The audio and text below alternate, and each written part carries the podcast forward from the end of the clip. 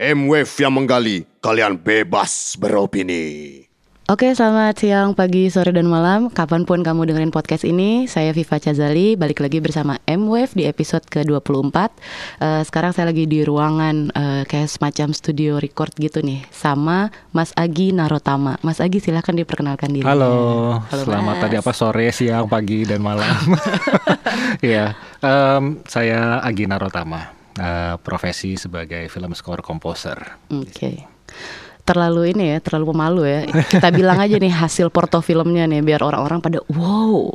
Ada berbagi suami, Kala, Quickie Express, Pintu Terlarang, terus Men Call Ahok, Gundala, Perempuan Tanah Jahanam itu baru sebagian kecil.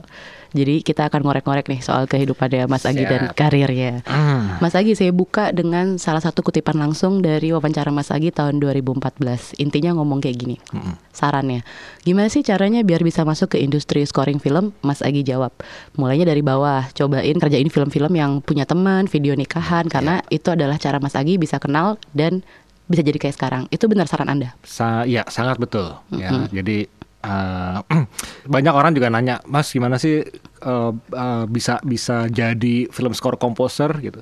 Ya jadi film score komposer itu juga sama seperti kita belajar instrumen musik, mm -hmm. ya. Mhm. nggak ada yang instan gitu. Itu juga dimulai dengan uh, latihan, dengan belajar pastinya. Belajar juga cukup banyak yang dipelajari. Belajar tidak harus dalam uh, arti yang formal, mm -hmm. ya, mhm. tidak melulu harus di sekolah da, walaupun sekarang juga banyak udah banyak sekolah ada beberapa yang sudah mulai fokus ke dalam uh, pembuatan film skor juga ada. Betul. Uh, sudah ada yang uh, udah ada yang punya uh, apa uh, sistem pendidikan seperti itu. Uh, dan itu sangat saya sarankan sebenarnya buat orang-orang yang pengen uh, mencoba atau mungkin pengen terjun di film score composing ini sebisa mungkin memang belajar dan kalau memang ada pendidikan yang menawarkan itu go for it sebenarnya. Mm -hmm. Ya, jadi memang memang awalnya jelas belajar, belajar dulu dan berlatih. Uh, berlatih ini juga sama seperti kita berlatih instrumen musik. Uh, tapi ini dalam konteks uh, film tentunya, mm -hmm. ya dalam konteks uh, musik untuk film. Ya kalau misalnya musik untuk film yang kita pelajari apa ya jelas filmnya dulu. Oke. Okay. Gitu. Yang kita harus pelajari filmnya dulu.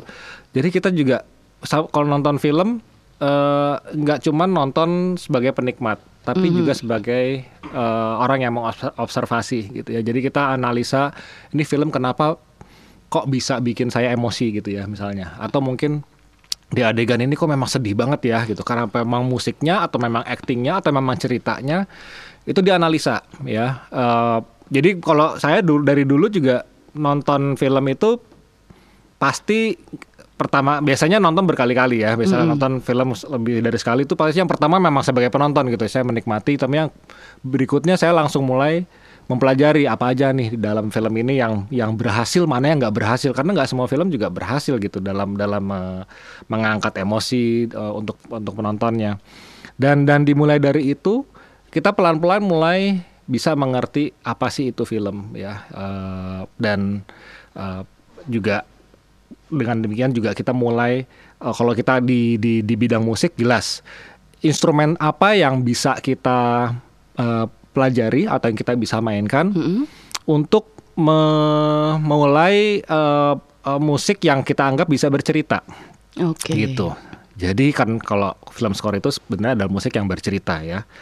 Uh, jadi ya itu kita melatih itu dulu, melatih oh kalau ada cerita seperti ini musiknya seperti ini hmm. oh kalau misalnya ada adegan seperti ini musiknya seperti ini dicoba dengan instrumen yang kita bisa gitu ya nah dengan latihan dan belajar seperti itu pelan-pelan mulailah cari project-project ya dan project itu ya itu dia jangan mulu pikir project langsung film layar lebar gitu oh, ya iya. Dari yang paling kecil aja dulu. Contoh, ya. Mas Agi dulu karirnya yang paling kecil ngapain? Saya itu? dulu justru dimulai memang dari sekolah ya, dari sekolah. Saya bukan sekolah musik tapi sekolah uh, sound engineering dulu, audio production. Oke. Okay. Uh, di mana saya uh, itu memudahkan saya dalam hal teknologi untuk membuat musik gitu ya. Mm -hmm. Jadi uh, salah satu yang saya cari adalah uh, kebetulan di sekolah saya itu ada departemen video, ada uh, fakultas video. Jadi saya kenalan sama orang anak-anak video. Hmm mana nih yang kalian videonya yang perlu musik sini saya bikinin musik sama audionya waktu itu oh gitu dan dan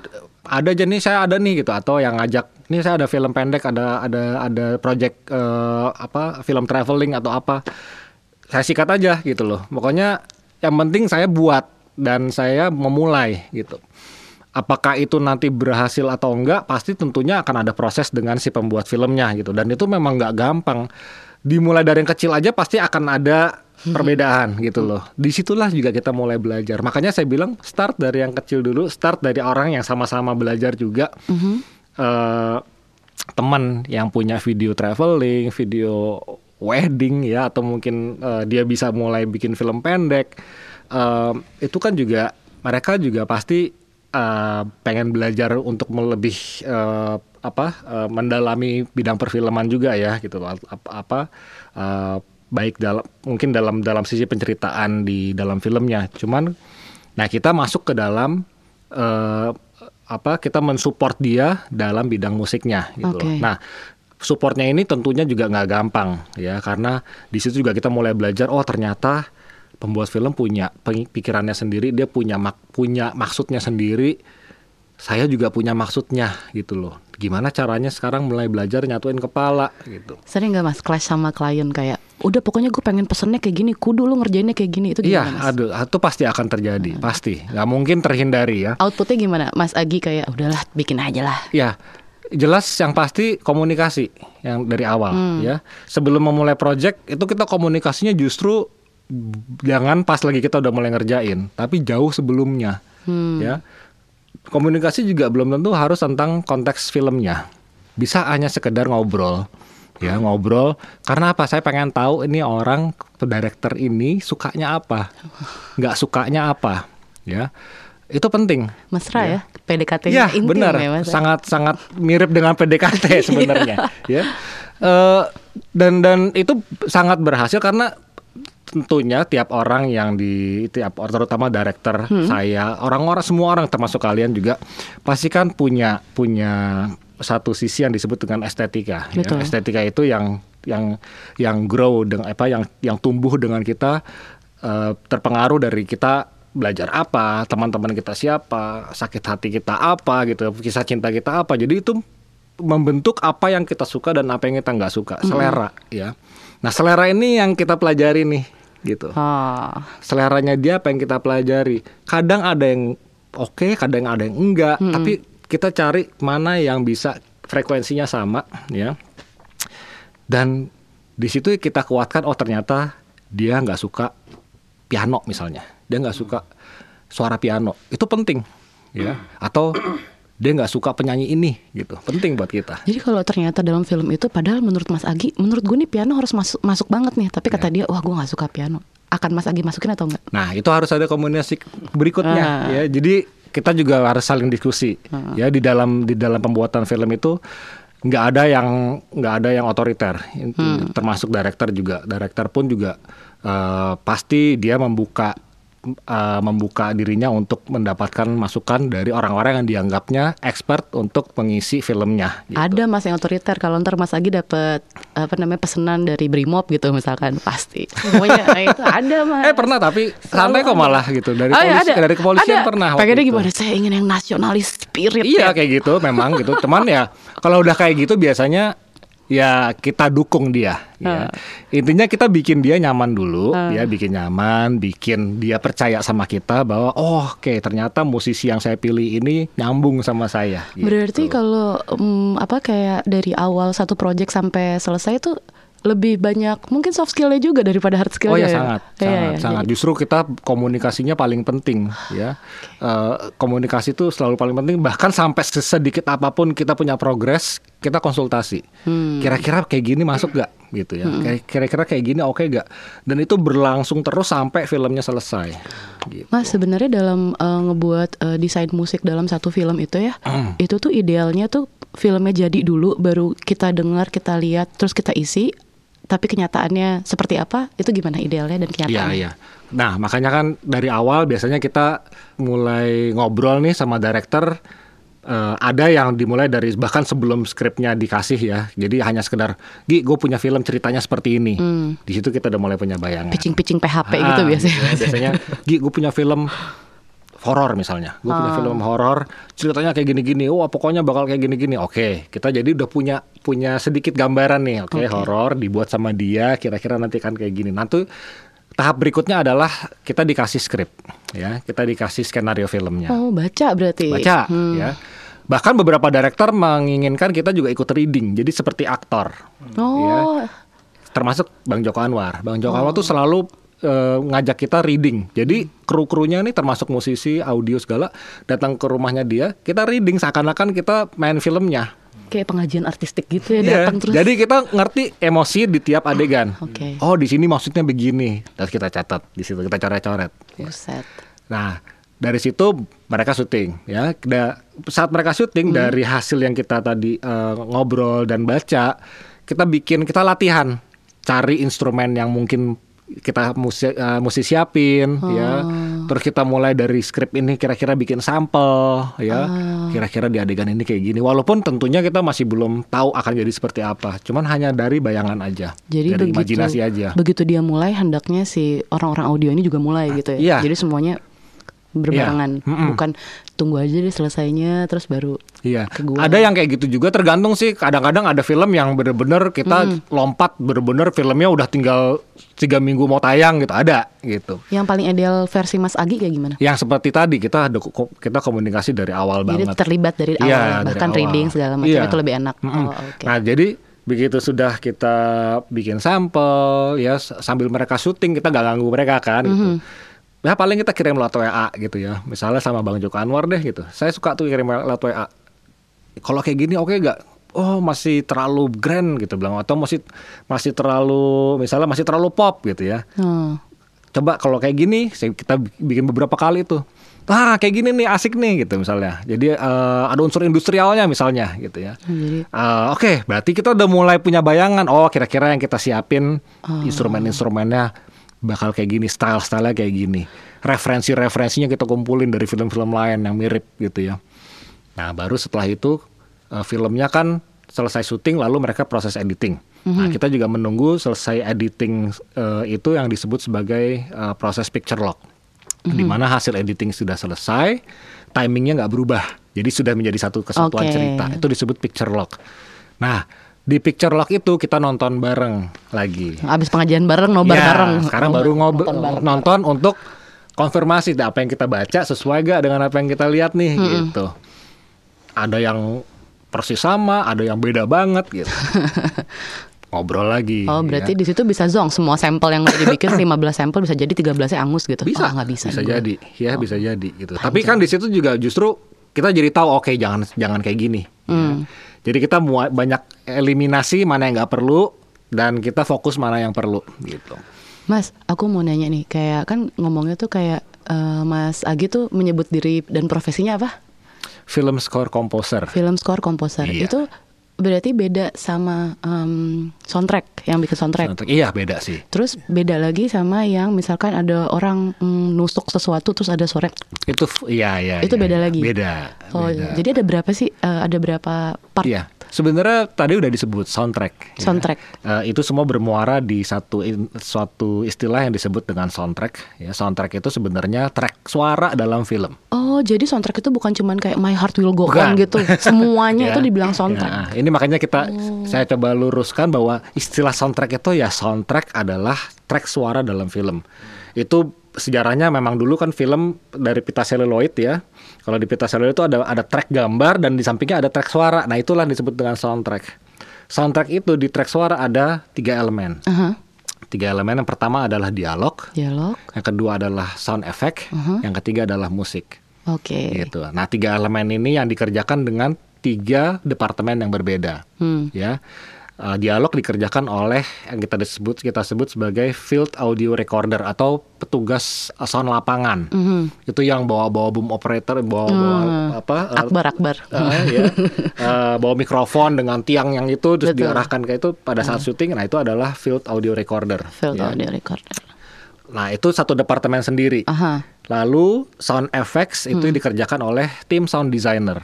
Nah itu di dalam tim sound designer itu ada yang disebut sebagai tadi Foley recorder, ada ADR engineer, ada sound editing, ada sound mixer segala macam. Nah salah satu yang menarik adalah tadi kita sebut Foley recording. Foley Iya, iya, recording itu uh, berasal dari kata Foley yang ditemukan oleh penciptanya Jack Foley. Dulu dia menemukan metode membuat suara-suara yang diperlukan dalam film dengan menggunakan barang-barang yang punya suara yang sama. Jadi dia nggak harus pakai suara dari dari barang aslinya, tapi dari barang-barang sekitar yang suaranya bisa di- eh, mendapatkan suara yang sama.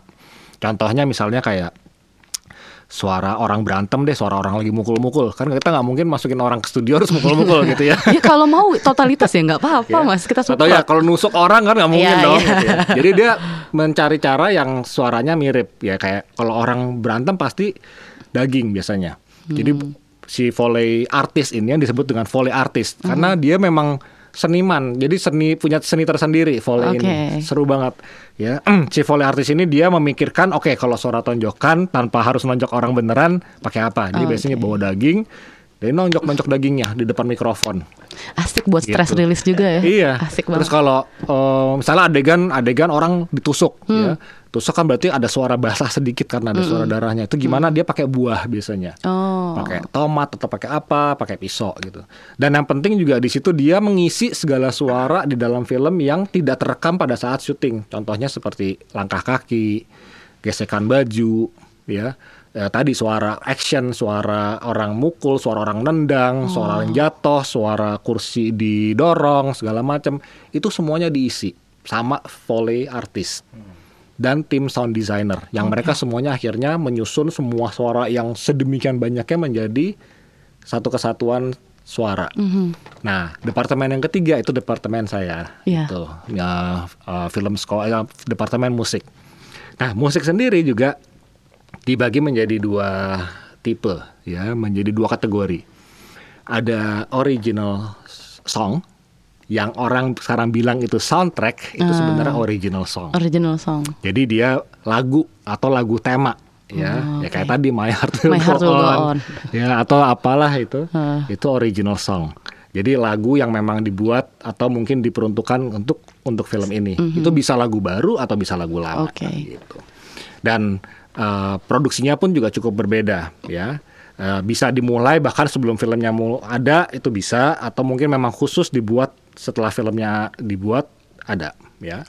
Nah eh, kategori yang kedua dari musik adalah original score. Mhm. Original score ini musik yang memang mengikuti adegan.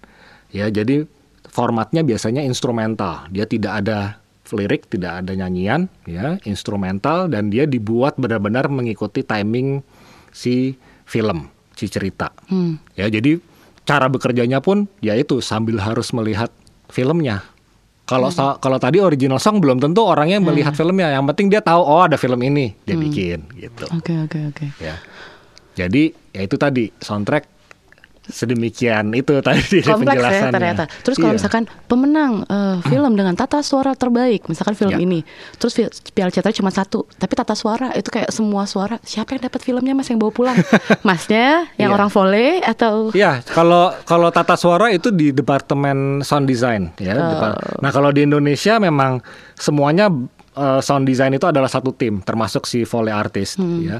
Eh, kalau di sini kalau eh, kita kita kita ambil referensinya Piala Citra ya, kalau di Piala Citra itu memang ada tata suara terbaik. Nah, tata suara terbaik itu maksudnya adalah semua tim yang mengerjakan sound effect dan dialog. gitu. Kalau timnya 25 orang, piala citranya dapat 25 nggak? Enggak. Ngeselin abis. cuma satu. Ngeselin abis. Cuma sekarang memang di, disebutkan jadi dua dua departemen. Jadi ada dari sound design dan dari sound lapangan. Jadi kalau tata suara terbaik dapat dua piala. Gitu kalau di Indonesia oke. sekarang.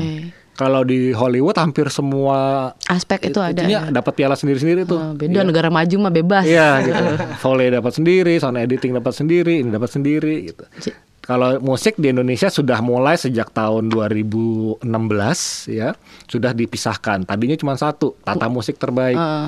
Sekarang ada musik eh, ada ada musik skor terbaik dan ada lagu tema terbaik sekarang. Oke, udah ada perkembangan lah ya. Ya, Mas, jadi ada orang udah mulai sadar nih, oh ternyata Ah, beda gitu loh.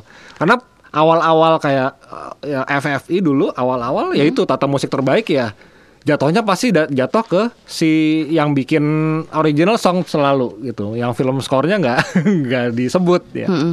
Nah elemen-elemen yang berada di dalam eh, lingkup soundtrack itu tentunya eh, punya ilmunya sendiri-sendiri, punya orangnya sendiri-sendiri. Jadi memang kayak film skor komposer tuh tidak satu orang, sebenarnya satu tim juga gitu. Kalau di timnya Mas Agi ada berapa orang yang ngerjain ini? Mas Agi jadi apa? Terus butuh berlima atau berenam? Iya. Seperti apa? Terus terang kalau saya eh, biasanya bekerja memang nggak pernah sendiri. Di bawah saya- rooftop ini ada Ya, berapa orang? eh, Tim tim tim kita disebut dengan rooftop sound. Kita punya tiga orang musik director atau mu- eh, film atau musik komposer itu ada saya, ada Bambi Gusti dan ada Tony Merle ya. Lalu kita juga punya satu orang sound engineer khusus yang memang dia untuk editing, untuk mixing musik-musik kita gitu. Lalu juga kita punya produser harian yang ngurusin segala macam di luar kebutuhan musik ya. Jadi kayak ya jadwal gitu loh ketemu sama klien dia yang jadi kita nggak pusing dengan eh, tiba-tiba mas ini harus ada ketemu sama ini dia Oh, yang Jadi dia yang jadwal itu baru lima tuh di hitungan saya belum lagi. memang kita cuma lima orang bodyguard, OB, jubir, OB ada juga. eh, jubir. OB kita bahkan kita training jadi barista Oh mantap. karena doyan ngopi semua di oh sini kan. Terus ini Mas mau nanya, eh, kan kita tuh ke Mas Agi karena Mas Agi itu yang paling populer saat ini selalu dibicarakan. Kalau kita ngomongin soal komposer salah. komposer musik, oh ya Mas Agi nggak ada yang lain. Hmm. Tapi sebenarnya Mas Agi sendiri ngeliatnya seperti apa sih perkembangan profesi komposer Iya, iya. musik film di Indonesia ini? It- itu apa, dia, ah. apa ada sekolahnya sekarang? Terus harus ke mana? Katanya Mas Agi juga pengajar. Iya. Kenyataannya di lapangan gimana? Sedih nggak sih sebenarnya? Hmm, iya sih sebenarnya memang itu selalu jadi concern kita para pembuat film adalah regenerasi ya. Regenerasi di bidang perfilman masih belum merata apalagi di bidang musik dan tata suara. Sekolahnya mahal banget Mas saya dengar-dengar. Eh, sebenarnya sekolah-sekolah film itu tidak jauh berbeda dengan sekolah-sekolah tinggi lainnya ya. Dan banyak juga eh, sekarang sekolah-sekolah non formal yang sifatnya memang seperti kursus itu sudah mulai banyak ya. Bahkan kursus audio kursus kalau dan workshop workshop tentang eh, film score tentang eh, audio untuk film itu banyak sekali ya. Cuman mungkin memang sosialisasinya tidak terlalu merata ya. Eh, kayak contohnya teman-teman saya di Impact atau di asosiasi f- eh, musik dan tata suara untuk film itu kayak Mas Dursi, kayak Mbak Tia Subiakto itu punya kelasnya sendiri-sendiri tuh dia bikin ya. Nah, kalau dilihat perkembangannya terus terang yang pasti perkembangannya akan mengikuti perkembangan film itu sendiri. Dan menurut saya lima tahun terakhir perkembangan film Indonesia sangat baik Iyalah, jumlah penontonnya makin banyak, yang makin percaya sama film Indonesia, betul. kualitas filmnya juga pelan-pelan mulai naik nih, gitu ya. Dan penonton juga kan nggak dia nggak nggak nggak bisa bohong gitu ya. Penonton sekarang udah udah pinter-pinter. Kalau film memang nggak bagus, pasti nggak banyak yang nonton gitu. Betul. Dan dan terbukti memang yang banyak penontonnya biasanya film yang bagus-bagus gitu. Nah, jadi itu juga menstimulasi pembuat cerita ya, pembuat ceritanya mulai terstimulasi. Oke, ternyata yang mau nonton banyak ya. Eh, pe- director film makin banyak yang baru-baru, yang belajar dari director pasti paling banyak ya. Belajar dari kamera juga pasti paling banyak. Belajar jadi musik dikit Iya, banget. iya, ya. iya, iya. Karena eh, memang pertama dianggap eh, dianggap bahwa oh kalau saya belajar untuk eh, mau buat bikin musik untuk film saya harus sekolah musik. Sekolah Iya. musik itu mahal. Heeh. padahal belum tentu gitu. Oke. saya sendiri sama teman-teman nggak ada yang sekolah musik gitu. Tapi kita belajar tentang filmnya. Dari apa? Dari workshop workshop dari semua director kita belajar. Ya mereka kan juga tahu bagaimana mendirect film. Saya belajar sama bang Joko Anwar saya belajar sama Tehni Adinata. Dalam konteks yang lebih santai aja lagi ngopi gitu kan eh gimana sih? Syuting tuh apa sih? gitu ya. Atau ngedirect ak- aktor tuh gimana sih susahnya? Pasti akan keluar tuh obrolan. Oh bisa berjam-jam dan di situ kan nggak secara langsung kita belajar oh ternyata penceritaannya si director terhadap si aktor harus begini gitu. Dan maksudnya begini. Ya sama seperti tadi kita mulai mengetahui sisi estetikanya si director ini seperti apa. Dan itu sangat penting kalau kita mau belajar musik untuk film. Yang kita pelajari yang pertama kali justru bukan musiknya tapi filmnya dulu. Filmnya dulu. Hmm. learn how to make film. Nah, kalau Gitu. misalkan saya nanya, Mas kan dulu eh, bukan maksudnya nggak terlibat sebagai apa ya? Katanya aktor juga gue liat di IMDb itu gue nggak tahu sih. Itu sempat main di mana mas? Sempat main di mana? Iya. Putri yang tertukar. Mungkin ada cameo yang kita nggak Iya sadar. iya jadi aktor loh tulisannya loh mas.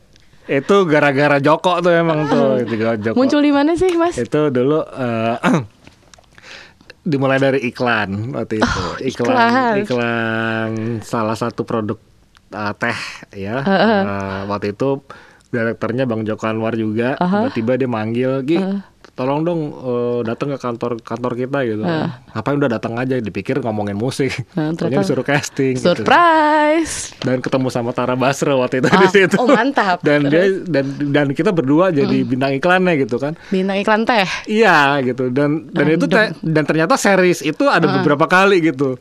Terus kayaknya orang juga mulai oh ternyata lagi bisa acting. Mulai diajak lah. Tapi yang kenal-kenal aja sih memang gitu. Kayak sama sama Koh Richard Oh gitu loh.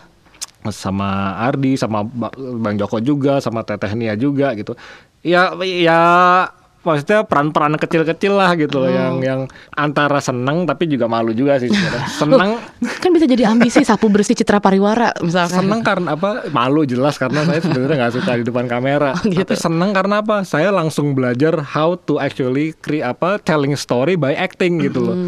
Oh ternyata susah ya gitu. Dan ternyata aktor itu punya caranya sendiri untuk menceritakan cerita ini dalam gestur badannya, cara dia ngomong, dan itu sangat berpengaruh ke pembuatan musik nanti. Dialognya masih ingat segar, cuma gitu doang atau gimana mas?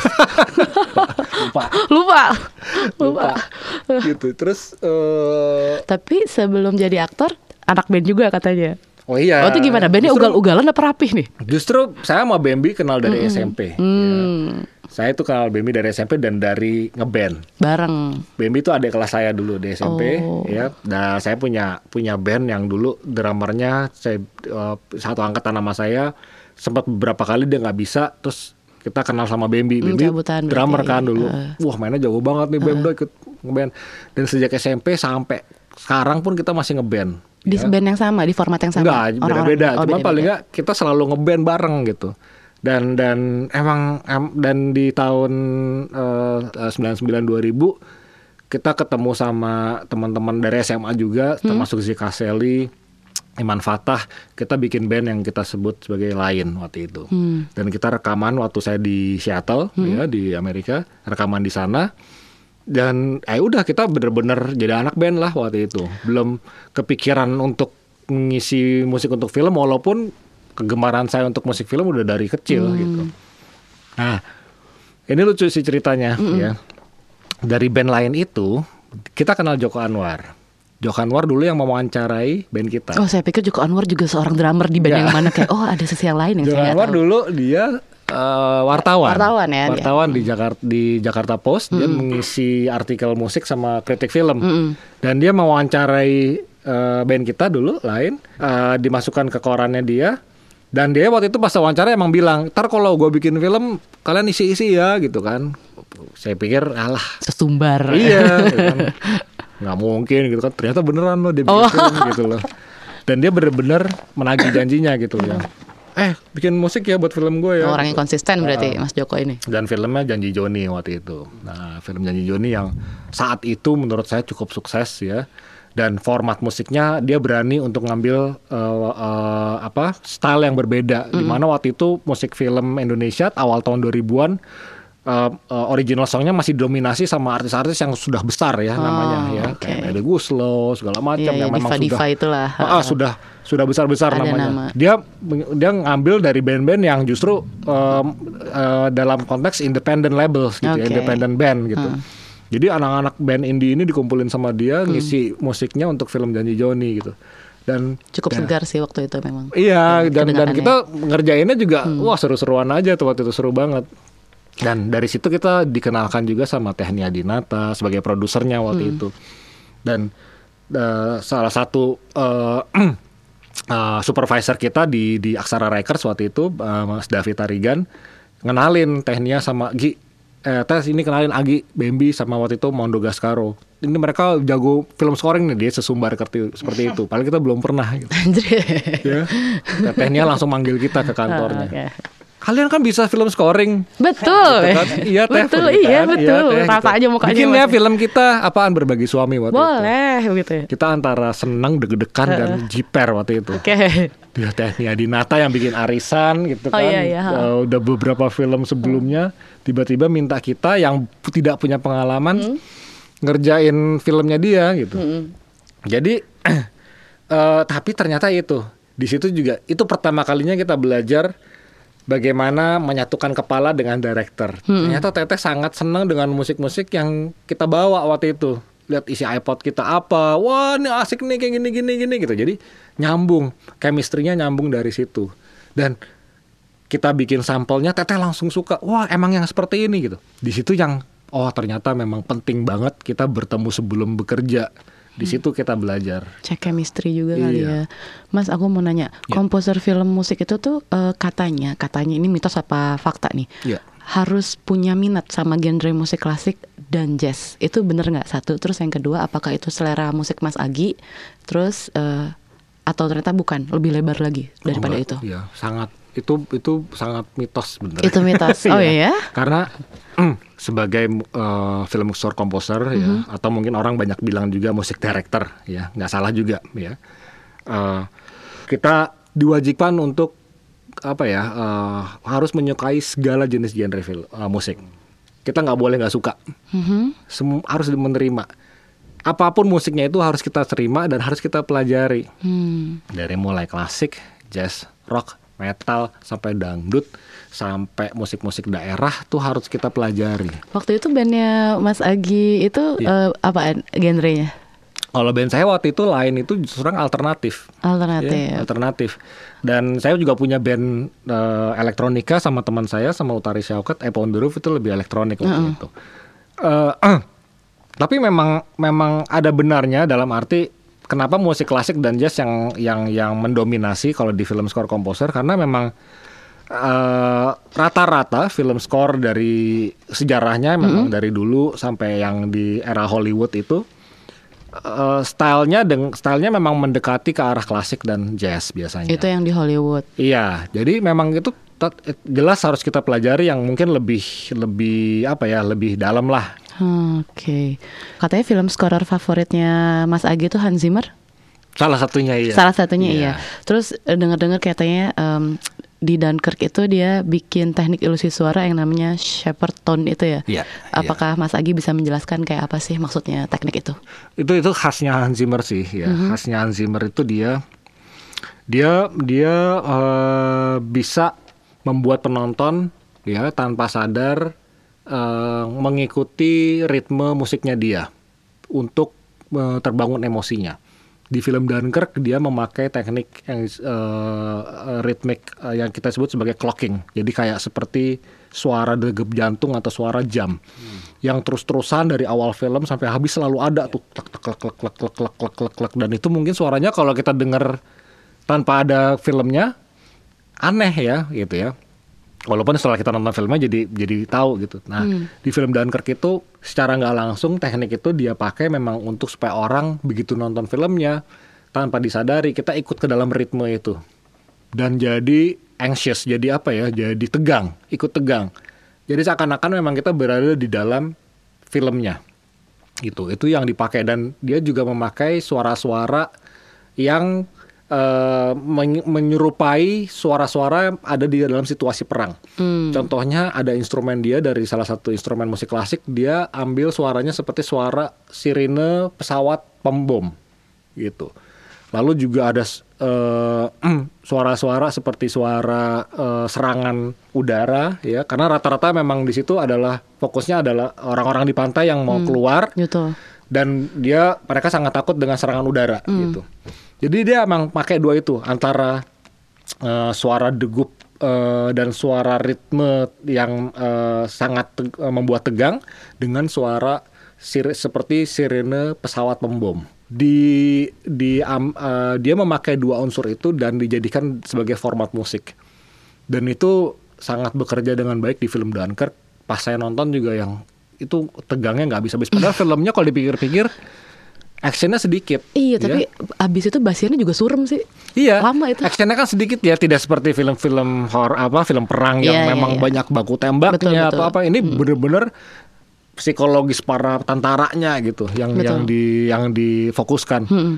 Gimana mereka pengen keluar dari pantai itu tapi nggak bisa, di mana terus di dikepung dengan pesawat pemburu gitu. Sebenarnya tuh software dan hardware apa sih yang udah jadi kayak semacam Oh. eh, esensial basic seorang Ya, ya. komposer Ya, memang musik, kalau film. sekarang film komposer jelas salah satu requirement adalah bisa bisa membuat uh, mock-up musik ya. Eh, kalau zaman dulu dengan kertas yang ditulis dengan not balok lalu ada orang memainkan, sekarang sudah banyak software yang eh, bisa me- mewakili suara-suara instrumen yang diperlukan dalam musik. Itu Mas, disebut Mas Agi sebagai bisa teknik. bisa baca note Nggak bisa. secara- Terus terang bisa tapi pelan banget. Oh, ya. jadi eh, Meraba. Lebih Tapi kan saya bisa main ya. Bisa main ininya Dan lah. sekarang banyak software eh, program Betul. eh, musik ya yang kita sebut dengan eh, MIDI composing musik ya atau program yang mm, kita bisa memilih instrumen apa pun yang kita mau, kita mainkan, kita rekam, lalu digabung dengan instrumen lain yang kita pilih, baik itu instrumen yang sangat eh, sehari-hari seperti gitar, piano, atau yang kompleks sekalian seperti orkestra, full orkestra, itu bisa kita buat mockupnya di software tersebut. Jadi kita bisa ngasih tahu ke sutradara, ini kira-kira nanti kayak gini. Gitu. Ini dimainin sama sekitar 8 orang pemain strings atau mungkin 10 orang atau mungkin 40 orang gitu. Ada, nanti di sini ada gitarnya, nih gitarnya masih bohongan ya, gitar nanti kita mainin beneran gitu. Nah, itu yang harus kita kuasai. Tapi pada akhirnya itu akan dimainin beneran sama satu orkestra. Pernah kayak gitu Mas kalau Iya, pengalamannya? biasanya begitu. Biasanya kita sebisa mungkin beberapa elemen musiknya kita rekam dengan instrumen asli. Mm-mm. Walaupun nggak semua film bisa di bisa ada proses seperti itu. Karena apa? Ada beberapa film yang tadi saya bilang tiba-tiba tiga minggu lagi atau dua minggu lagi udah mau tayang. Nggak mungkin kita bikin mock up dulu kita minta ditulis dulu lalu rekam dulu. Wah habis waktunya. Jadi- nah sekarang juga software software musik itu terus terang eh, kualitas suaranya juga sudah sekualitas sinema Oh, itu juga sangat bagus-bagus Ter- tergantung skill kita untuk mengulik si program ini oke. ada yang jago bener-bener yang kita nggak bisa bedain antara musik komputer sama musik yang direkam di orkestra ya. Wow. Eh, tapi ada juga yang kelihatan banget bohongnya gitu, Iya. ya. ya itu yang kita harus pelajari harus kita kuasai oh ternyata eh, dari itu banyak sekali softwarenya pilihannya banyak dari yang gratis ada dari yang sampai yang mahal sekali ada. Kalau saya memilih di tengah-tengah yang dipakai sama banyak orang. Karena kita apa? Kita bisa ada kemungkinan pindah-pindah studio gitu. Pindah-pindah tempat jadi kita tinggal bawa sessionnya ke sini tinggal bawa programnya ke sini kita tinggal buka. Jadi jadi kalau softwarenya sendiri itu eh apa yang kita disebut sebagai digital audio workstation ya itu banyak. Ada Pro Tools. Kalau yang saya pakai itu Pro Tools. Pro Tools. Uh, Bambi sama Tony make Logic Pro ya. Ada juga teman-teman yang pakai Cubase, ada yang pakai uh, ada digital performer. Tapi di dalam uh, software tersebut kita juga ada yang disebut sebagai VST atau mungkin virtual instrument. Nah, virtual instrument ini yang bisa kita beli dari mana-mana ya. Ah, Ada kayak virtual instrumen orkestra, virtual instrumen drum gitu. Jadi di dalam DAW tersebut ya kita isi dengan virtual virtual instrumen tersebut. lo taunya cuma Fruity Loops doang lo ya? Nah, Fruity Loop, Fruity Loop itu keren loh. Tuh, denger tuh. Garage Band. Iya, Garage, GarageBand itu sebenarnya versi Basically, versi simpelnya dari Logic Pro gitu. Itu GarageBand uh, surprisingly ya terlihat kan itu itu kan uh, memang jadi jadi bawaannya Apple ya Iya, kalau kita iya. beli ya.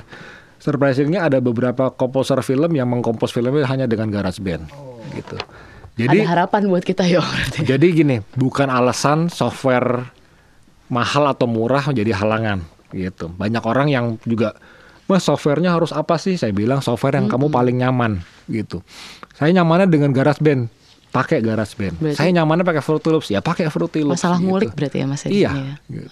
Karena itu semua emang ada di ada di bagaimana kita mengulik dan kita memaksimalkan yang kita punya. Harus peka banget berarti ya. Ya. Ini Mas, untuk menghasilkan bunyi-bunyian yang dibutuhkan tuh Ya. pernah pakai instrumen eksperimen kan pastinya. Iya. Waktu itu ada pengalaman nggak buat film apa? Om, Yang paling banyak minta banyak sih take? Eh, eh, di filmnya Dok- Joko Anwar tentunya filmnya Hmm. dan itu di dimulai di film Pintu Terlarang waktu itu di film Pintu Terlarang Bang Joko Anwar mulai Gi kita bikin musik kita rada unik dong pakai apa dong waktu itu di film itu terlarang wah kita pakai perkusi dari barang-barang yang eh, dari alat-alat dapur aja bro gitu kan. Wah boleh tuh kita bikin waktu itu. Terus berkembang ke film berikutnya modus anomali. Modus anomali lebih aneh lagi ya. Kata Joko Anwar Gi gue nggak mau musiknya ada nadanya pokoknya. Gue nggak mau musiknya ada nadanya dan nggak mau nggak mau orang langsung kenal ini alat musik apa. Oke Nah, kebetulan karena saya juga punya punya dasar di bidang audio production, jadi saya tahu teknik merekam, teknik merekam sampling. Oh, Oke. Jadi kita ngerekam apa pun yang kita anggap punya suara unik. Suara besi dipukul, suara mesin kopi waktu itu, suara toilet flush kita kumpulin ya, kita jadikan itu sebagai musik waktu itu di film modus anomali. Dan dan dan kita proses sedemikian rupa supaya suaranya ya kayak toilet flush jelas kita nggak pengen ada suara toilet flush di, di filmnya. Tapi kita proses supaya dia suaranya jadi kita rendahkan nadanya sampai serendah mungkin lalu kita stretch kita tarik supaya suaranya jadi sangat mengerikan gitu. Dan itu berhasil waktu itu. Eh, salah satu yang kita yang saya favorit saya ada suara toilet flush itu. Jadi kita pitchnya kita terendahkan kita tarik kita tambah dengan beberapa efek lainnya dan ternyata jadi sangat serem. Stres nggak? Sebagai Oh, enggak, seseorang. senang Senang justru. Justru itu itu itu itu refreshing banget dan itu Itu refreshing itu ya, Mas, ya? menyenangkan sekali. Oh, Dan dan sama di film eh, eh, film Joko Anwar yang berikutnya eh, eh, yang Pengabdi Setan Hmm. ya. Juga sama ya. Kita bikin sesuatu apalagi yang unik tapi nggak boleh sama dengan film-film sebelumnya Ah. gitu. Nah, di film Pengabdi Setan Hmm. kita eh, pakai eh, kita bermain frekuensi suara, kita bermain suara-suara psychoakustik waktu itu. Jadi kita memakai suara-suara instrumen yang kalau misalnya dimainkan lain, dia bisa mempunyai suara yang menggetarkan psikologis manusia. Contoh. Ya, misalnya suara cello, ya, Hmm. suara atau suara alat musik gesek cello atau violin, kita nggak ngambil nada yang umum, Jadi? ya, nggak seperti do re mi, tapi kita ngambil di suara-suara yang, waduh, ini kok suaranya jadi ganggu banget ya di sini. Nah, itu yang kita ambil. Nah, itu kita taruh dan kita kembali kita proses juga di film Pengabdi Setan. Eh, dan itu memang menjadi mengerikan sekali, ya. Dan dan juga kita bermain di gelombang-gelombang eh, gelombang-gelombang eh, suara yang tidak terdengar waktu itu Nggak terdengar. tapi terasa. Karena karena saya kan punya background di bidang eh, suara ya, bidang tata suara da- dan salah satu yang kita pelajari adalah frekuensi suara. Frekuensi suara itu adalah mempengaruhi tinggi rendahnya nada suara yang kita dengar. Semakin rendah suara, semakin kita nggak dengar ya. Ternyata ada efeknya ke kita. Apa tuh efeknya mas? Efeknya ya kalau suara paling rendah itu bisa efeknya menimbulkan sua- kekhawatiran atau ketakutan. Padahal kita nggak bisa dengar. Nggak bisa. Ya, nah itu How? itu disebut dengan ultrasonic sound ya nah itu ada ada frekuensi tertentu yang dengan kekerasan tertentu itu bisa mempengaruhi kayak contohnya deh kayak kita kalau ada suara yang sangat rendah kita dengarnya kayak seperti gemuruh atau mungkin getaran ya itu pasti akan ada yang Duh, ini apa ya gitu. Kekhawatiran seperti itu yang kita manfaatkan gitu. Oh, jadi nih ya asal tahu aja nih Mas Agi ngomongnya yang seneng banget dia menyiksa kita sekian puluh menit dengan suara-suara seram itu tapi Yes. ngomongnya tuh kayak penuh cinta, matanya berkaca-kaca. Jadi menyenangkan buat Masnya ya. Wah, itu Makasih loh Mas loh. menyenangkan sekali karena dan ya gitu itu salah satu juga eh, eh, salah satu keasikan membuat musik untuk film horor sebenarnya jelas kalau bikin musik film horor tugas kita cuma satu bikin orang takut gitu Mas Agi pernah takut gak? saya nggak terlalu sih eh, tapi ya kadang-kadang penakut juga gitu dan sangat menyenangkan begitu kita bikin film kita mikir oke kalau kayak gini penonton takutnya apa ya? Gitu loh. Kadang-kadang saya untuk me- mempraktekkan supaya bisa orang takut saya benar-benar menempatkan diri sebagai penonton sambil bikin musiknya. Jadi saya gelapin ruangannya gitu. Saya bikinnya tengah malam. Gitu. Sekalian bakar dupa, makan melati enggak Mas? Total dong. Jadi bikinnya tengah malam, lampu saya gelapin, lalu saya bikin musiknya dengan suara-suara yang aneh tadi gitu. Saya nonton. Wah, kayak udah cukup menakutkan nih gitu. Nah, saya nonton, saya lihat bentar, udah kurang kurang kurang gitu. Nah, terus juga kadang-kadang kalau mulai terus ter- ada anak saya kan di ruangan sebelah gitu kan. Iya. Anak saya kalau udah mulai terganggu kan Pak itu suara apa sih serem amat Oh gitu kan. itu udah oke nih gitu ya. Oh jadi tes subjeknya langsung orang terdekat ya parah banget. Iya. Seneng banget kayaknya ya. Berarti nggak ada tuh buat eh, buat Mas Agi tuh justru fun itu nggak jadi beban dan nggak ngaruh ke psikis gitu. Oh enggak, Wah, sangat nggak sangat terteror. sangat seru. Kita bikinnya ketawa-ketawa mulu gitu. Karena ya kita tahu di sini pasti penonton teriak nih gitu. Termasuk sama Bang Joko Anwar. Jadi tiap kali kita bikin film kayak kemarin di Perempuan Tanah Jahanam juga sama tuh. Selalu ada sesi kita duduk bareng begitu Iya. musiknya sudah setengah jadi sesi dan kita ngulik bareng. Bro, ini bagian sini kita pengen penonton lompat nih gitu kan. Diapain nih? Oke, kayak gini-gini gimana? Wah, kita ketawa sama-sama kita kita karena kita tahu di sini penonton pasti akan lompat gitu. Sadis ya tim produksi ini ternyata ya teman-teman ya. Itu eh da- tapi kan memang memang tujuan memang tugas kita ya itu tugas kita kalau film horor ya bikin penonton setakut mungkin kalau enggak ya nggak berhasil gitu Berarti saat misalkan nih saat eh, filmnya dirilis ke pasaran gitu kan Iya. udah nih udah screening nonton bareng Iya. terus udah eh, ada premier gitu. Mas Agi selalu ada di sana ada untuk nonton biasanya, bareng. iya. Ada pressure tertentu gak sih? nah Pernah biasanya merasakan itu nggak? eh ya tentunya selalu ada ya di mana Hmm. kalau aduh gimana kalau penonton nggak suka gitu tapi gini eh ini semua adalah pekerjaan yang kita lakukan sama-sama dan melalui proses pemikiran dan komunikasi yang sedemikian eh, apa ya sedemikian intensnya yang kita percaya bahwa ini terbaik yang kita lak yang kita bikin Jadi udah ikhlas sebelum di screening sangat ya? ikhlas gitu ya begitu kita udah film itu sudah rilis itu film udah bukan punya kita lagi Udah bukan punya kita lagi, itu udah betul. punya penonton Betul. penonton mau ngomong apa mau ada yang seneng mau ada yang nggak suka kita harus terima gitu ya maksudnya Hmm. kritik selalu ada oh yang yang yang benci juga pasti ada gitu tapi yang menghargai juga pasti ada ya jadi yang mengkritik kalau memang kritiknya masuk dan bagus untuk kita kita akan ambil gitu Hmm. ya tapi kalau yang memang cuma sekedar untuk eh, untuk sekedar acap ngomong dia nggak suka tapi nggak ada sebabnya ya udah kita nggak usah nggak usah Hmm. pikirin deh gitu yang pasti kalau misalnya lagi premier kalau saya nonton dan saya bisa menikmati ceritanya biasanya tuh yang oh ini film udah ini film berhasil nih menurut saya. Atau penonton juga sudah mulai ikut ke dalam ceritanya tanpa saya memikirkan hal teknis gitu. Tapi ada beberapa film yang yang jujur ya gitu. Yang yang walaupun udah selesai udah udah udah udah tayang pas lagi premier ada aja nih yang aduh ini musiknya kayak gini nih musiknya nggak kayak gini Ah, masih ada perasaan itu pasti gitu ada ya. tapi ya gimana udah tayang Ayo udah lah ya. ikhlas aja Oh gitu. Terus eh kan berarti kan Mas Agi juga pasti banyak menghadapi klien ya. Rupa-rupanya juga ada Iya, banyak. iya. Yang paling menyebalkan tuh kayak apa sih? Sebenarnya yang rada bikin kita eh, sebel tuh kalau klien yang nggak mau, yang nggak tahu maunya apa, Sama aja kayak agensi desain ya, gitu ya. nggak tahu maunya gue. apa, tapi banyak maunya gitu. Misalnya kayak dia nggak tahu arahnya, goalnya mau apa, Ah. tapi dia nyoba ini nggak suka, dia nyoba ini, Oh. oke suka, tapi kalau lagi gini gimana? Tapi kayak gini mana? Dan itu kan itu kan mem- mem- membuang waktu juga, ya dan iya. menghambat. Maksudnya boleh mencoba, tapi harus tahu koridor dan tujuannya apa Betul, gitu. Jadi betul. nggak keluar dari situ Objektifnya jelas ya. dan eh, kita malah lebih seneng kalau kalau klien atau director tuh bawel ya Hmm. tapi tahu dia maunya apa ya. dibanding yang kalau dari awal wah terserah lu deh Gi kalau eh, gua nggak tahu nih maunya apa gitu lu coba-coba aja dulu ah itu yang waduh ini bahaya nih gitu lebih baik kita dari awal kasih goalnya duluan dalam bentuk mungkin kayak film lain nih kayak gini bukan Oh, referensinya dikasih Referensinya langsung biar dikasih kebayang langsung. ya. Kayak gini bukan? Enggak, enggak kayak gini. Begitu ada kayak gini, oke. Kita pegang ya yang ini gitu loh. Ah, iya, Jadi kita iya. nggak ke mana-mana gitu. Ternyata tipe klien menyebalkan tuh sama aja di semua dunia ya. Iya, Emang kayak gitu pasti banget ya. sama.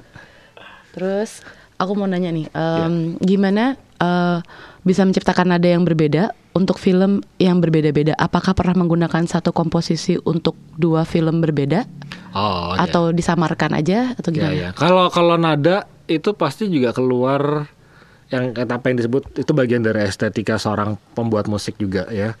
Eh, saya punya nada-nada yang mungkin sering sekali saya keluarkan bahkan di film yang berbeda gitu. Tapi tentunya tidak bermaksud untuk menyamakan. Ya, itu ter- terjadi di bahkan di komposer besar kayak Hans Zimmer ya kayak John Williams. Hans Zimmer di film ini sama film ini nadanya hampir sama, tapi stylenya dan peruntukannya sangat berbeda gitu. Itu lumrah dan itu itu nggak nggak masalah selama orang pas nonton nggak protes gitu. Hmm, dan saya pun kalau memilih nada eh, tentunya dengan berulang kali melihat adegannya ya melihat adegannya tanpa memegang alat musik juga saya pikiran aja dulu di kepala biasanya, ya. Nah, saya ciptakan dulu di kepala, udah ada kayak gini. Lalu biasanya saya rekam pakai handphone, ya. Eh, itu saya banyak sekali rekaman-rekaman di handphone yang maaf suaranya falesnya minta ampun ya. Tapi ternyata sangat membantu begitu saya nonton, oh, oke keluarnya kayak gini, ya. Itu itu itu sesuatu yang agak susah untuk saya jelaskan tapi memang suka keluar gitu ya. Saya nadanya gini gini gini nonton, saya rekam, lalu saya baru mulai bikin sampelnya atau mungkin memulai dengan instrumennya Aha. gitu. Jadi proses kreatifnya lumayan aneh juga ya. Iya, tapi ah, beda-beda. Ada yang sambil ngelihat dia Baru sambil ke- megang piano. Kalau saya gitu. seperti itu. Ya, Oh. kalau saya nonton berulang kali dulu adegannya sampai saya mengerti maksudnya apa di adegan ini, konteksnya apa, fokusnya ke mana, eh, objektifnya apa. Nanti keluar sendiri biasanya. Oh, Oke, keluarnya seperti ini. Saya saya bisa mulai dengan eh, sesuatu yang nada rendah misalnya. Atau saya bisa memulai dengan sesuatu yang impactnya besar di depan. Atau mungkin dengan beat yang eh, eh, dramatis atau mungkin beat yang grad, yang setelah, eh, yang masuknya secara gradasi bisa itu saya catat atau mungkin saya ngomong atau ya nah, kalau ada nada ya direkam aja nah nah nah nah, nah misalnya gitu Jadi mantun sendiri sering diam-diam gitu. Iya, benar. Di bawah meja gitu ya. Mas? di kan di studio biasanya gitu jadi nggak ada orang gitu Hmm. nanti baru deh kita dari oke nada ini kita coba oke ini it, it works sih jadi memang nggak bisa sekali uh, langsung Itu, bisa kapan aja ya. Jadi kayak lagi Iya. ngapain pun gitu. Iya, kadang-kadang itu bisa terjadi di tempat lain. Misalnya saya begitu nonton adegan filmnya nggak dapat dapat, aduh nggak dapat dapat ya udah cari udara segar dulu deh ya. Misalnya ngopi dulu apa di mana, atau pas lagi ngopi, wah keluar gitu. Makanya nih untung membantu sekali nih gitu ya. Ada ada HP yang bisa rekam, langsung rekam ya. Udah bodo amat ada orang-orang aneh ngeliatin. Yang penting saya punya nada yang bisa di ini nih yang bisa disimpan gitu. Mas, ini lebih nggak ketolong yang mana nih opini pribadi aja ya. Misalkan filmnya bagus, scoringnya jelek, Ya. masih mending itu atau yang scoringnya bagus, filmnya jelek. lebih nggak ketolong yang mana? lebih nggak ketolong yang scoringnya bagus filmnya jelek sih. Iya. Gitu ya. Karena bagaimanapun tentunya yang diutamakan adalah filmnya, ceritanya dulu. Nah itu juga salah satu mental semua kru di dalam film ya mental kita harus mindset kita dirubah dulu ya. Mindset mindset eh, setiap departemen termasuk saya film score composer tata suara tata kamera art departemen kita semua berasal dari latar belakang yang berbeda-beda pendidikannya berbeda-beda ada yang dari arsitek ada yang dari sekolah fashion ada yang dari sekolah kuliner mungkin Eh, saya dari musik, saya dari anak band. Tapi begitu sudah masuk dalam proyek film, mindset kita berbeda, status kita berbeda, status kita dirubah. Saya bukan lagi musisi, saya bukan lagi tata suara, kita semua adalah filmmaker. Hmm. Jadi we do everything for the sake of the story gitu. Dengan apa pun yang kita bisa. Ya. Nah, di situ jadi kita mengerti keseimbangan seperti tadi. Filmnya jelek, ya. Filmnya mungkin ceritanya nggak kuat. Ya, Tapi scoringnya keinget gitu. ya kita jangan bikin scoringnya jadi lebay juga ya karena pengen orang jadi pengen lebih ingat scoringnya jadi Hmm. Ah, enggak gitu. harus seimbang gitu Oh gitu. Jadi kalau filmnya jelek kita kasih yang medium aja gitu mas. Iya. Oh jadi emang ikut aja sama iya yang. ya, itu ya itu agak susah ya kadang-kadang ada beberapa film yang ada ya beberapa kali pernah walaupun bukan di film layar lebar ya Iya. Ada yang Gi ini film hanya bisa diselamatin sama scoringnya. Aku bilang Tapi Aduh, tapi ini ada nggak- kan fenomena itu. iya dan nggak bisa gitu dong gitu loh ya. Oh ya udah deh ya we do what what we can tuh apa eh, yang yang mudah-mudahan penonton mengerti gitu ya pengennya seperti ini. Tapi jelas kalau saya lebih memilih nonton film yang yang nggak ada scoringnya sekalian gitu, temen ceritanya bagus gitu ya daripada Gitu. kalau filmnya ceritanya udah lemah, Scoringnya ekstra. scoringnya Wow. waduh extravaganza Oh gitu. yang- Kalau saya kayaknya lebih suka yang menor saya kayak nggak apa-apa deh yang penting ada yang bisa dibawa pulang scoringnya bagus. Mas mungkin nggak sih Iya. pernah pernah kan Mas Agi berarti eh, referensi filmnya banyak banget. Iya. Ada nggak sih film yang emang sama sekali nggak ada scoringnya cuman ada volenya doang? ada. Oh berarti ada. Ada Nggak semua film. malah. Oh Eh, Cloverfield ya. Iya ya. Eh, Cloverfield itu nggak ada nggak ada musiknya sama sekali. Eh, Baru sadar. Roma ya, ya, nggak ada musiknya. Nggak Ya. ada musiknya bahkan nggak ada nadanya ada. gitu.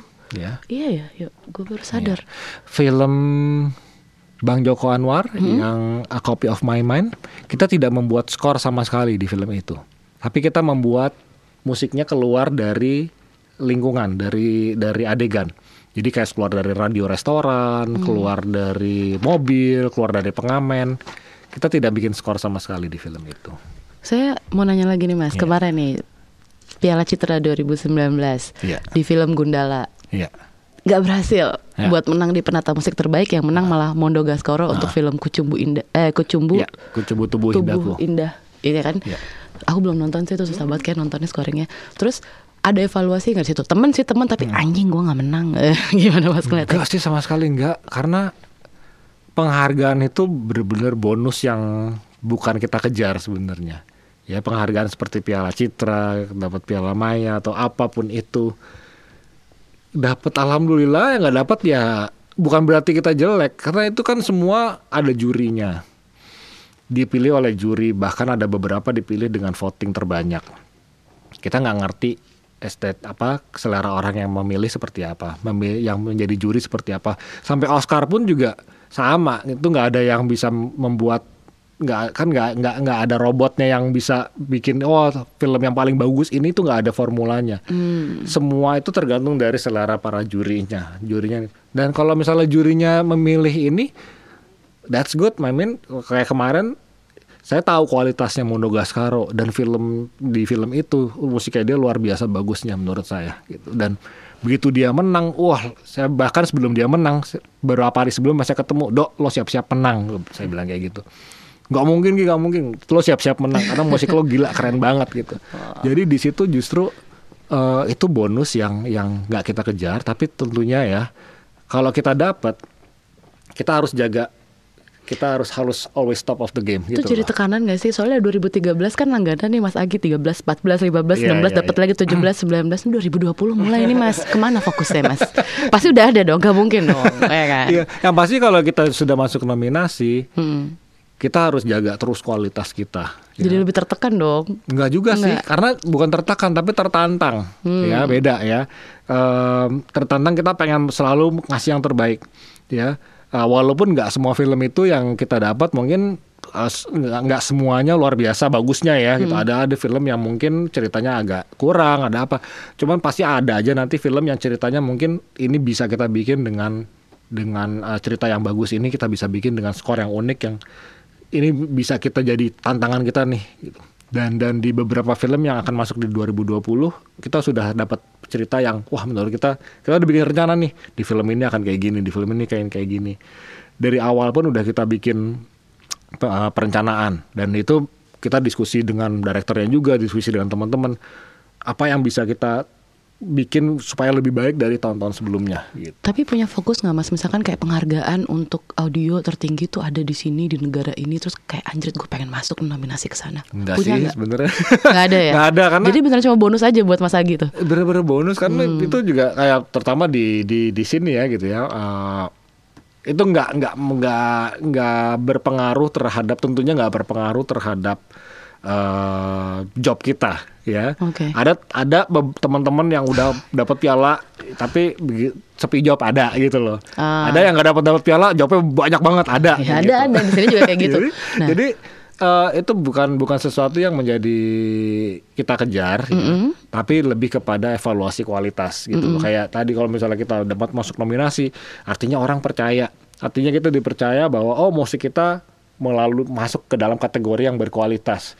Itu yang kita jaga. Udah beda kelas lagi Gitu. ya. Yang penting Ya, nominasi. itu yang kita jaga. Iya sih. Eh, apalagi kalau dibilang mas kalau udah dapat piala eh eh, harus harus ini gak sih apa eh harus selalu beda ya itu tergantung juga belum tentu setiap film menginginkan menginginkan kita beda ada yang menginginkan ada yang enggak gitu Mas Agi kan selalu dikenal sama eh, film-film yang kita juga udah tahu di layar lebar ya. Dan itu film-film yang berkualitas dan bagus lah sering diomongin.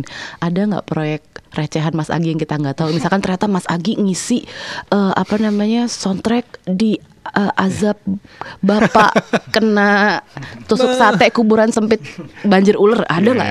Eh, Tapi malu diakui nggak apa-apa loh. Silakan loh diakui saatnya loh. terus terang kita uh, semua proyek yang masuk ke kita alhamdulillah nggak pernah ada yang kita anggap jelek ya kurang tentunya hampir semuanya ada kekurangan dan kelebihan ya.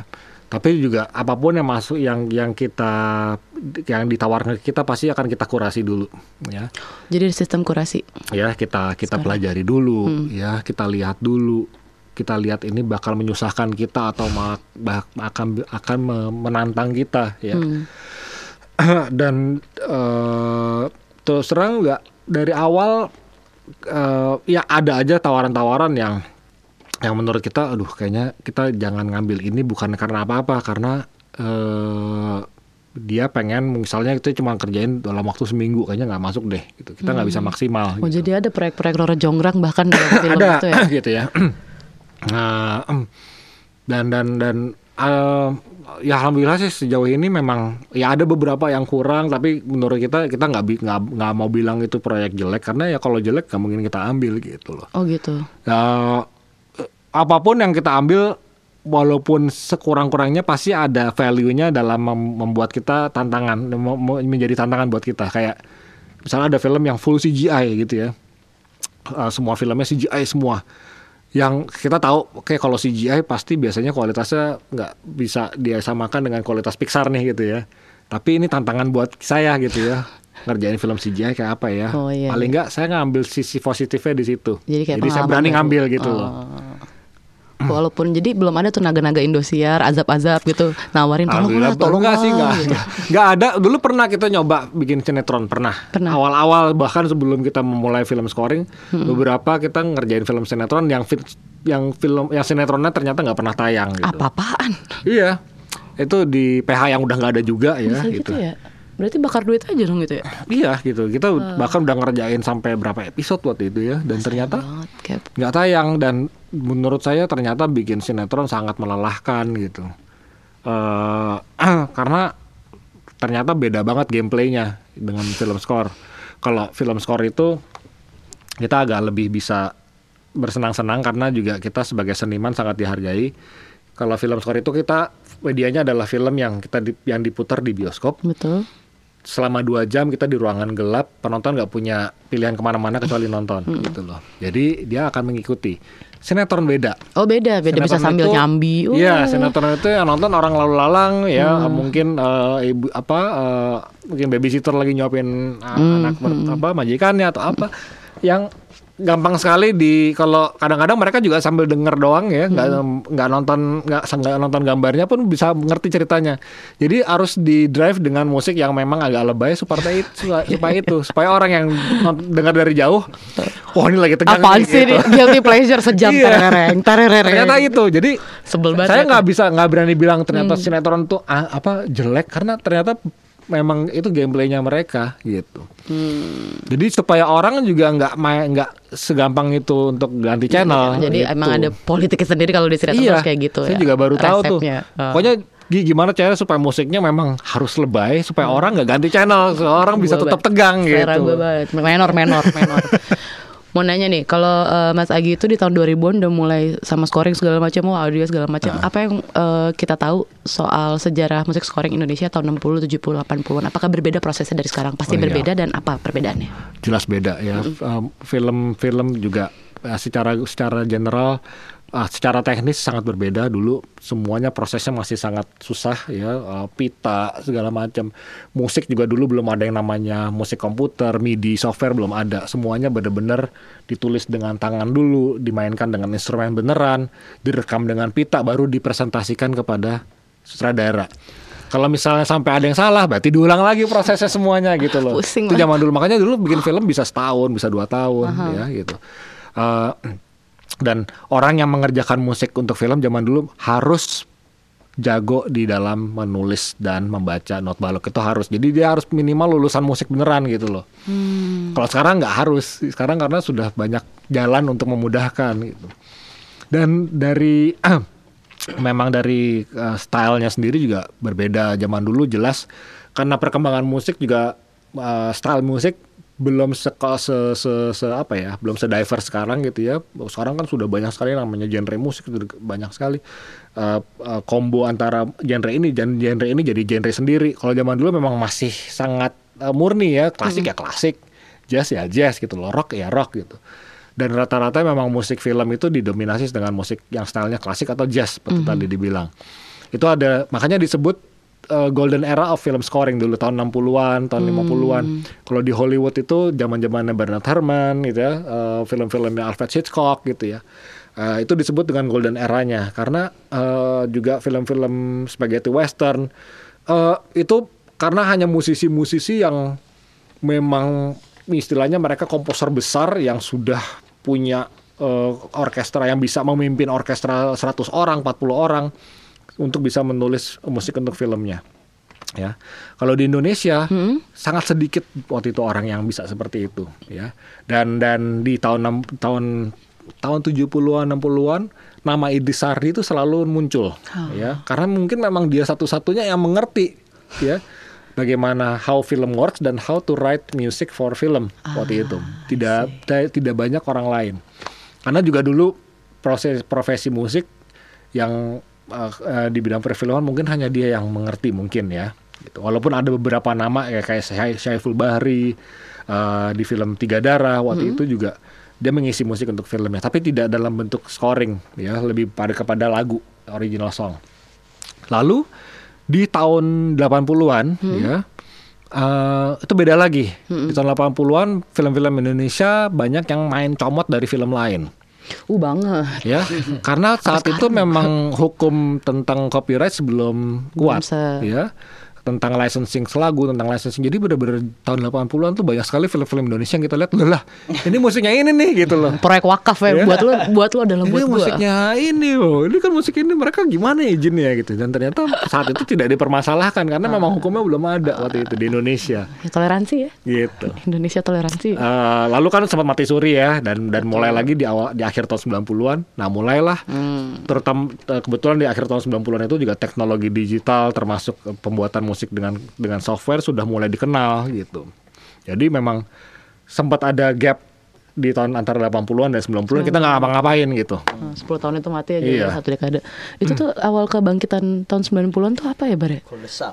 Bintang Ya, jatuh. kuldesak waktu itu. Kuldesak. Jatuh. Kuldesak Rizal Mantovani ya waktu itu itu benar-benar eh, tapi waktu itu juga Kuldesak itu kan cukup kompleks ya. Saya saya mendengar teman saya yang ikut dalam krunya ya. Kayaknya orang mulai kapok nih bikin film karena sangat ribetnya. Habis itu petualangan Sherina kan. Nah petualangan Sherina ini menstimulasi nih gitu. Kalau Kuldesak belum terlalu waktu itu. Tapi begitu ada petualangan Sherina tiba-tiba mulai Dan lebih muncul nih ya orang-orang yang yang pada sekolah di luar negeri sekolah film mulai pada pulang ke sini. Kayak lebih Tehnya populer Dinata gitu kan gitu. jadinya. mulai bikin yang yang genrenya lebih pop yang lebih Betul. ini gitu. Nah dimulai dari situ.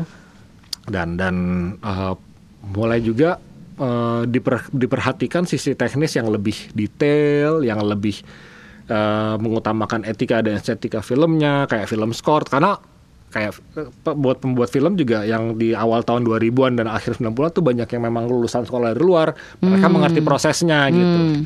Dan mereka menularkan itu ke filmmaker lain di Indonesia gitu. Jadi di awal di awal tahun 2000-an dan sampai sekarang itu saling belajar satu sama lain dan semakin benar prosesnya gitu Mas, kalau misalkan Mas Agi sekarang nggak dalam profesi ini, nggak ada nih kesempatan, kagak ada nih film Indonesia mati suri, semuanya bangkrut. Iya. Mas Agi lagi ngapain sekarang?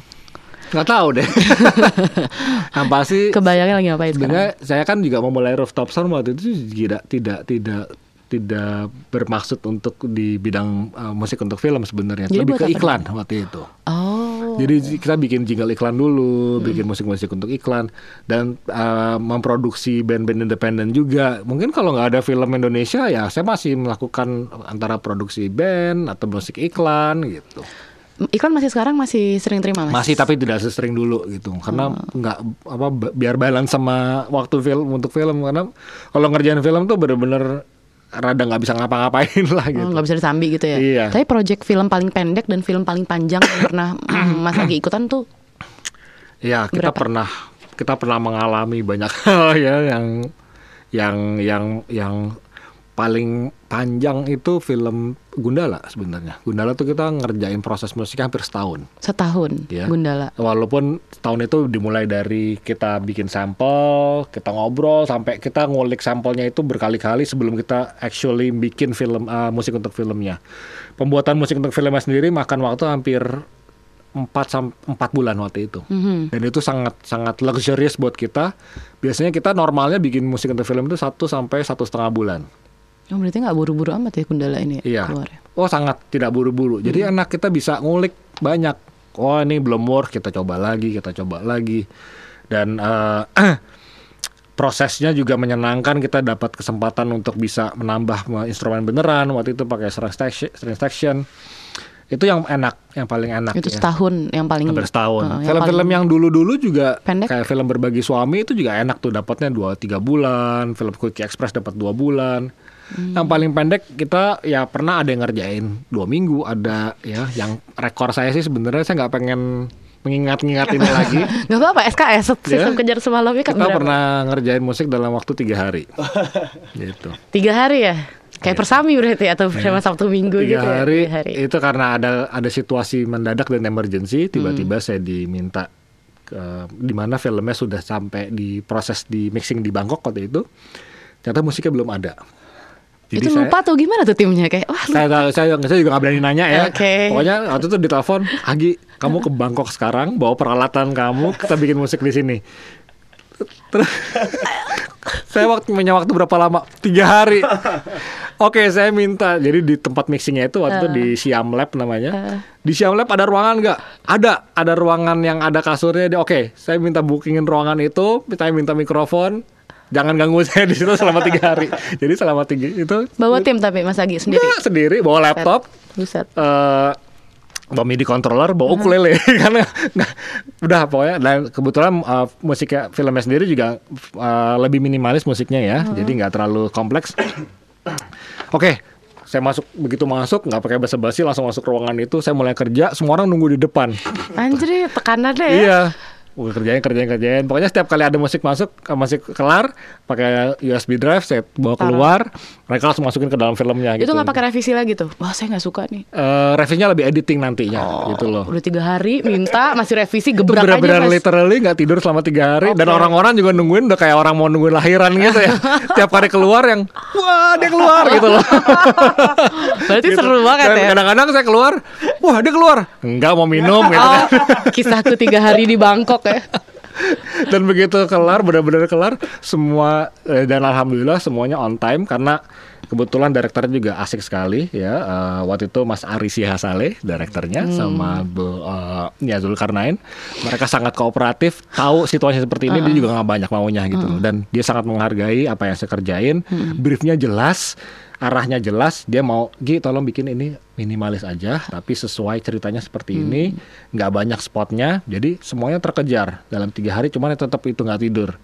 Jadi begitu filmnya saya selesai bikin musik mereka mixing mereka preview saya tidur nggak peduli nggak tahu lagi tuh filmnya kayak apa yang Tapi gimana pas begitu ngelihat eh, tayangannya pas ngeliat ini dia oke. ka- ka- ka- hasil karya gue tiga hari lah uga nih kayak gitu Iya ternyata tahu. udah semua orang senang gitu loh dan filmnya lumayan diterima waktu itu ternyata nggak ada yang ngeh oh ini musiknya kok kurang ya Kayaknya musiknya rasanya tiga hari doang deh. Nggak ada lah ya komen kayak gitu. Eh, itu jadi eh, itu juga dan saya benar-benar cuma modal laptop bawa MIDI controller bawa ukulele saya minta minjem mikrofon dari ruang volley waktu itu Eh, ya ini juga menunjukkan bahwa ya ya bikin musik untuk untuk untuk film juga bisa di mana aja ya dengan peralatan yang bisa sangat mobile sekarang laptop tuh udah sangat powerful sekarang ya kita bisa bikin semua di dalam web laptop handphone kita aja udah powerful sekali sekali sekarang Betul. Jadi teknologi itu sebenarnya kayak udah ngasih jalan apa pun yang dulu ketutup Ah, ya. sangat memudahkan. Jadi rugi kalau orang sekarang tuh nggak ada ada yang nggak mau belajar gitu sebenarnya.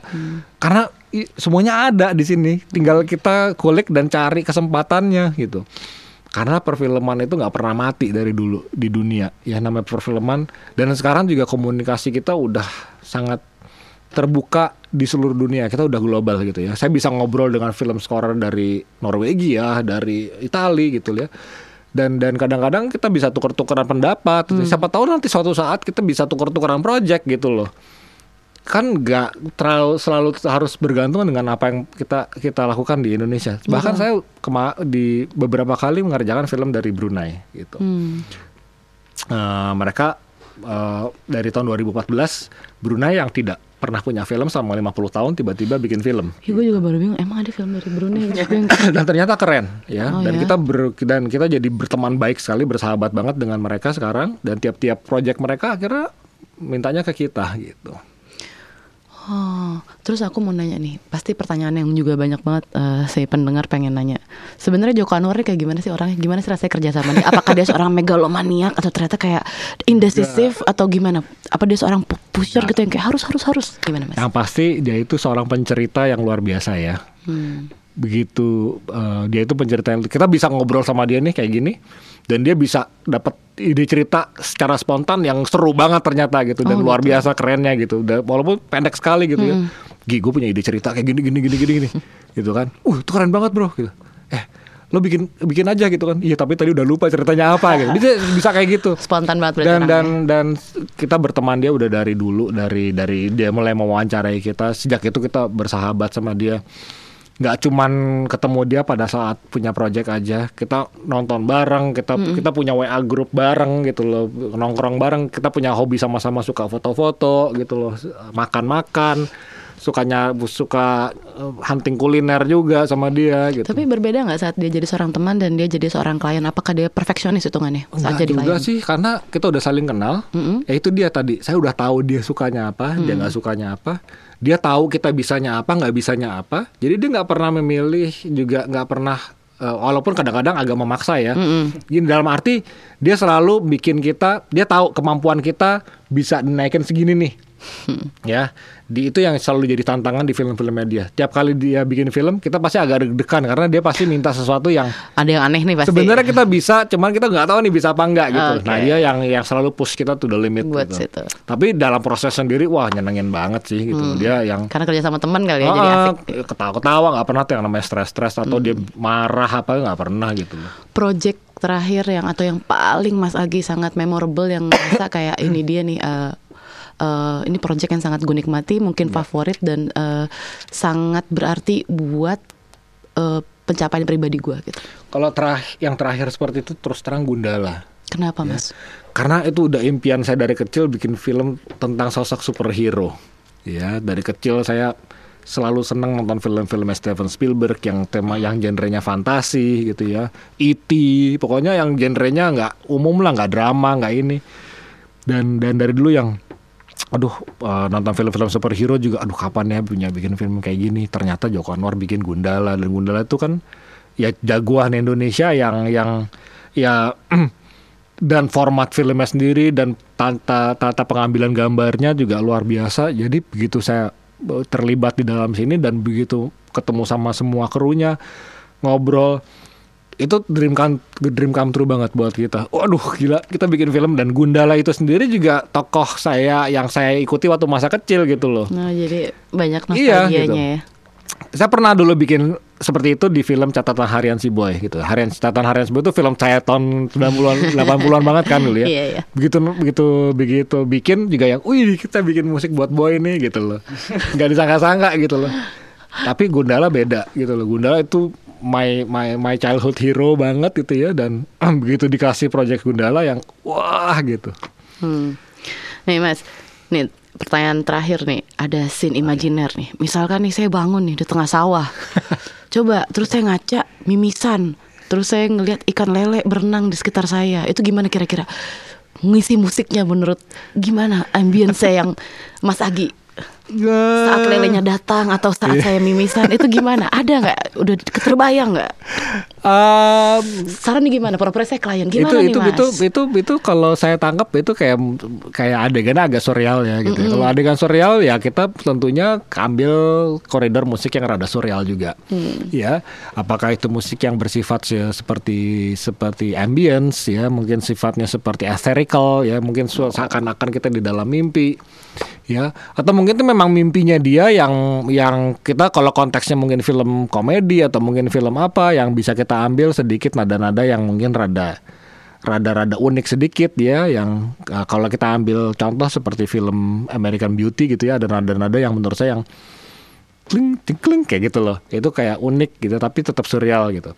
Tapi bisa juga ini menjadi sesuatu yang serius mungkin dia konteksnya di mungkin di di di di, di perasaan depresi atau apa kita nggak tahu Jadi yang pasti kalau memang itu eh, konteksnya surreal, kita ngambil eh, musiknya juga yang surreal. Oke, gitu. mungkin buat Mas Mas Joko Anwar bisa denger eh, saran film lele saya silahkan dieksekusi saya nggak Atau keberatan. mungkin tiba-tiba pas lelenya keluar ada lagu Sunda gitu Iya. Wilujeng Sumping. Oke, eh, itu aja sekian eh, ngobrol-ngobrol dari Mas Agi. Eh, terima kasih Mas kehadirannya Aduh, dan terima kasih kami di sini. banyak. Banyak banget yang bisa dipelajarin. Sampai jumpa di podcast MWF selanjutnya. Sorry ya kalau saya